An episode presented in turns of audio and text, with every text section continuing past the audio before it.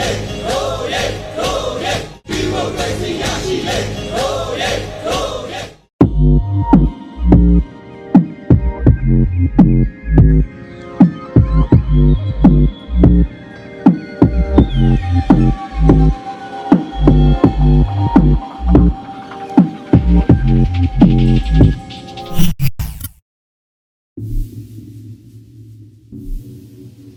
တော်လိုင်းနိပညာစီစဉ်ကနေပြန်လည်ကြိုဆိုလိုက်ပါတယ်။မြန်မာနိုင်ငံသူနိုင်ငံသားအပေါင်းမင်္ဂလာပေါင်းနဲ့ပြည့်စုံသောနေ့ရက်တွေကိုအမြဲဆုံးပြန်လည်ပိုင်ဆိုင်နိုင်ကြပါစေကြောင်းတော်လိုင်းနိပညာစီစဉ်ဝိုင်းတော်သားများမှဆုတောင်းမေတ္တာပို့သလိုက်ပါတယ်။နိပညာတိုးတက်လာတဲ့အခါမှာလူသားတွေရဲ့ဘဝပုံစံတွေပြောင်းလဲလာတဲ့အပြင်ပတ်ဝန်းကျင်ကမြင်နေကြပုံစံတွေဟာလည်းနိပညာရဲ့ပါဝင်မှုကြောင့်ပြောင်းလဲလာပါတယ်။နိပညာဟာလူသားတွေကိုပုံမလွယ်ကူတဲ့ဘဝတွေကိုရစေတယ်လို့ပြောကြပြီးလက်သက်မှုတွေကိုလည်းနိပညာတိုးတက်မှုကြောင့်ကျော်လွန်လာနိုင်ကြပါတယ်။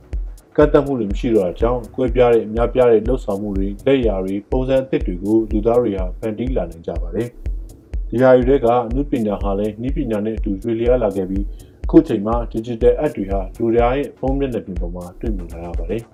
။အမှုပညာလို့ပြောတဲ့အခါမှာ Michael Angelo, Picasso, Vincent van Gogh မြို့မချင်းခင်မောင်ရင်စသဖြင့်ခေါင်းထဲမှာပေါ်လာနိုင်ပါတယ်။ခန္ဓာထေဝါလာတဲ့ပတိကားတွေဟာပြလိုက်တီပြကန်းတွေမှာအခုချိန်ထိ စေအနုပညာလက်ရာတွေဖြစ်နေရယူထားသလိုဂီတတပင်အနုတုခုမစတဲ့နေပယ်တိုင်းဟာလည်းလူသားတွေရဲ့အနုပညာသမိုင်းပုံရိပ်တွေကိုစဉ်းစားတဲ့အခါမှာအစီအစီပေါ်လာကြပါတယ်။နိပညာခေတ်ကိုရောက်လာတဲ့အခါမှာတော့အနုပညာဟာလူသားတွေနဲ့ပုံမနီးစပ်လာပြီးစိတ်ကူးကူးမျိုးနိုင်စွမ်းရှိသူတိုင်းအနုပညာရှင်ဖြစ်လာနိုင်ပါတယ်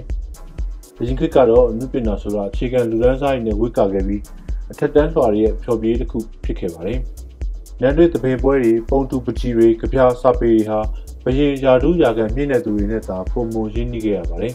။အနုပညာဟာပြည်သူလူထုနဲ့နှီးစပ်ရမယ်ဆိုတဲ့တွေးခေါ်ပြီးပြန့်နှံ့လာတဲ့နောက်မှာတော့အနုပညာဟာလူသားပေါင်းများစွာနဲ့ထိတွေ့ခွင့်ရခဲ့ပါတယ်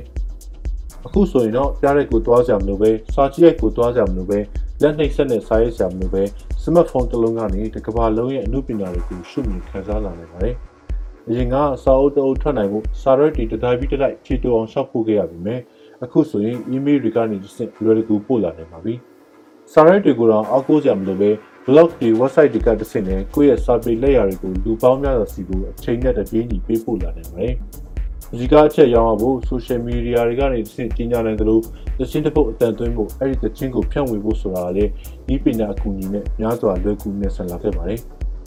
ဒီပညာကြောင့်ပြောင်းလဲလာတဲ့လူတွေရဲ့ဘဝနေထိုင်မှုပုံစံတွေတဲကနေအမှုပညာရဲ့ life ပါစီစဉ်လာမှုကိုအတိုင်းအတာမြင်ရနိုင်ပါတယ်။အမှုပညာဖန်တီးမှုအပိုင်းမှာလည်းကတ်သက်မှုတွေဟာနေတစ်ဆက်နေလာပြီးလက်ရမြောက်လာတဲ့ digital app ပေါင်းများစွာကိုလည်း internet ပေါ်မှာတမိတမောချိမကုန်နိုင်အောင်ကိုတွေ့လာနိုင်ပါတယ်။အမှုပညာဟာခေတ်ရည်စီးကြောင်းအလိုက်ပုံစံအသစ်တွေပေါ်ထွန်းလာခဲ့ပြီးအခုနိပညာခေတ်မှာလည်းအမှုပညာပုံစံအသစ်ပေါင်းများစွာဟာလည်းတနေ့တခြားပေါ်ထွန်းလာနေပါတယ်။ programmer တယောက်ဟာဘယ်လီအကကနိုင်တဲ့စက်ရုပ်တရုပ်ကိုဖန်တီးခဲ့ပြီးမြို့လေကောင်မှာကပြကိုင်းထားပါတယ်။ဒီဘယ်လီစက်ရုပ်ကမယ်လေးရဲ့ကကွက်တွေဟာဖန်တီးသူရဲ့အမှုပညာလက်ရာတွေပါပဲ။ဒါဟာခေတ်သစ်အမှုပညာပုံစံတစ်ရပ်ဖြစ်ပါတယ်။လေစိတ်တစ်ခုမှာတိုက်ခတ်နေတဲ့လေတိုက်နှုန်းကိုတိုင်းတာပြီးရလာတဲ့ data တွေကို artificial intelligence နည်းပညာကိုအသုံးပြီးဒီ data တွေကနေတစ်ဆင့်လွန်လူးပြောင်းလဲနေတဲ့ပေါ်ဝါစလေးတစ်ခုကို screen အကြီးကြီးတစ်ခုပေါ်မှာပြသထားပါတယ်။ဒါဟာနည်းပညာနဲ့နည်းပညာပေါင်းစပ်ထားခြင်းပါပဲ။ အဆောက်အုံကြီးတစ်ခုကိုပြောင်းလဲနေတဲ့အရိပ်တွေအကြောင်းတွေပုံစံတွေနဲ့ဝေးကနေ projector ကြီးတစ်ခုကိုအသုံးပြုကထိုးလိုက်တဲ့အခါမှာအဆောက်အုံကလှုပ်ရှားနေပါတယ်။တောက်ဝင်နေပါတယ်။အဆောက်အုံနေရာတွေအစား screen အကြီးကြီးတွေအစားထိုးတက်ဆင်ပြီး screen အဖြစ် 3D ရုပ်ကြွပြီးရုပ်မြင်အရေးသွေးကောင်းမှုတဲ့ဗီဒီယိုတွေကိုပြသထားတဲ့အခါမှာလမ်းသွားလမ်းလာတွေဟာအဆောက်အုံကြီးကိုငေးမောနေကြရပါတယ်။ဒါတွေဟာဤပညာအလိုက်တိုးတက်ပြောင်းလဲလာတဲ့ဤပညာလက်ရာပုံစံအသစ်တွေပါပဲ။ဒါတွေဟာဤပညာနဲ့ပေါင်းစပ်ထားတဲ့အတွက် စစ်မှန်တဲ့ဤပညာမြောက်မှုမပါဝင်ပါဘူးလို့တကယ်တမ်းပြောနိုင်ပါရဲ့လား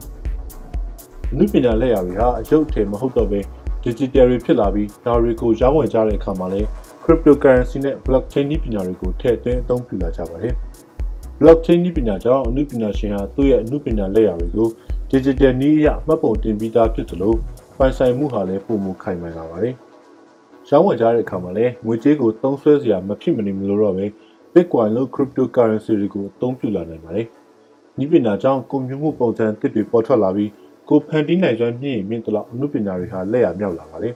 ။စိတ်ကူးတွေကိုငွေကြေးအသွင်ပြောင်းမှုလွယ်လာတဲ့အတွက်အမှုပညာရှင်တွေဟာဟိုရင်ကခေါ်ခဲ့သလိုဖက်ခွက်စားဖို့ကမဟုတ်တော့ပါဘူး။ monitor ဖန်သားပြင်ပေါ်မှာတင်ဖန်တီးမှုတွေပြုလုပ်နိုင်တာမဟုတ်တော့ပဲ virtual reality လို့ augmented reality လို့ပုံရိပ်အောင်နည်းပညာတွေဟာကန့်သက်ဖောင်တွေပျောက်ဆုံးသွားပြီးအ တိုင်းအဆမရှိတဲ့စိတ်ကူးပြတ်ချက်မှုတွေကိုလူသားတွေကိုခံစားရစေပါတယ်။ 3D printing လို့နည်းပညာကိုအသုံးပြုပြီးလက်ရမြောက်လာတဲ့အနုစိတ်ရုပ်ထုကြီးတွေကိုကွန်ပျူတာတွေနဲ့ပုံဖော်ပြီး print ထုတ်လာနိုင်ပါတယ်။ Artificial Intelligence ကို internet ပေါ်မှာရှိတဲ့သချင်းတွေကိုလေ့လာခိုင်းပြီးမရှိသေးတဲ့ဂီတအသစ်တွေ၊သချင်းအသစ်တွေ၊တန်ဆင်အသစ်တွေကိုဖန်တီးကြဖို့ကိုလည်းစက်သက်တည်ထူနေကြပါပြီ။ AI နဲ့ပတိဆွဲတာ AI ကထည့်သွင်း data တွေအသုံးပြုပြီးအကြောင်သွေးစုံလင်ထားတဲ့ကမ္ဘာမြေခွင်းအသစ်တွေကိုပုံဖော်တာကိုလည်း ယနေ့ internet ခေတ်မှာအမကန်တွေ့မြင်လာတဲ့အခါမှာနည်းပညာဟာနည်းပညာကြောင့်ပြောင်းလဲမှုတွေအကြီးကြီးပေါ်ပေါက်လာခဲ့ပြီဆိုတော့ကိုထင်သာတွေ့မြင်ရပါတယ်။ဒီကနေ့မှာတော့ကျွန်တော်တို့ရဲ့တော်လိုင်းနည်းပညာအစီအစဉ်ကနေနည်းပညာနဲ့နည်းပညာရဲ့ပကုံးဖက်တိုးတက်လာခဲ့တဲ့ပြောင်းလဲလာမှုကိုရှုမြင်ခန်းစားတင်ပြထားခြင်းဖြစ်ပါတယ်။နည်းပညာဟာလူသားတွေရဲ့ဘဝတွေကခန်းစားမှုအာရုံတွေအထိဖြန့်ကျက်ထိုးဖောက်ဝင်ရောက်လာပြီဆိုတာလေးကိုကျွန်တော်တို့အစီအစဉ်ကိုစောင့်မျှော်ကြည့်ရှုနေကြတဲ့ပရိသတ်ကြီးကိုသတင်းစကားမျှဝေရင်းနောက်ပတ်များမှာလည်းတော်လိုင်းနည်းပညာအစီအစဉ်ကနေ ဘလို့အကြောင်းအရာတွေဆက်လက်တင်ဆက်ပေးသွားအောင်လဲဆိုတာကိုစောင့်မျှော်နားတော်တာစိန်ပေးကြပါဦးခင်ဗျာ။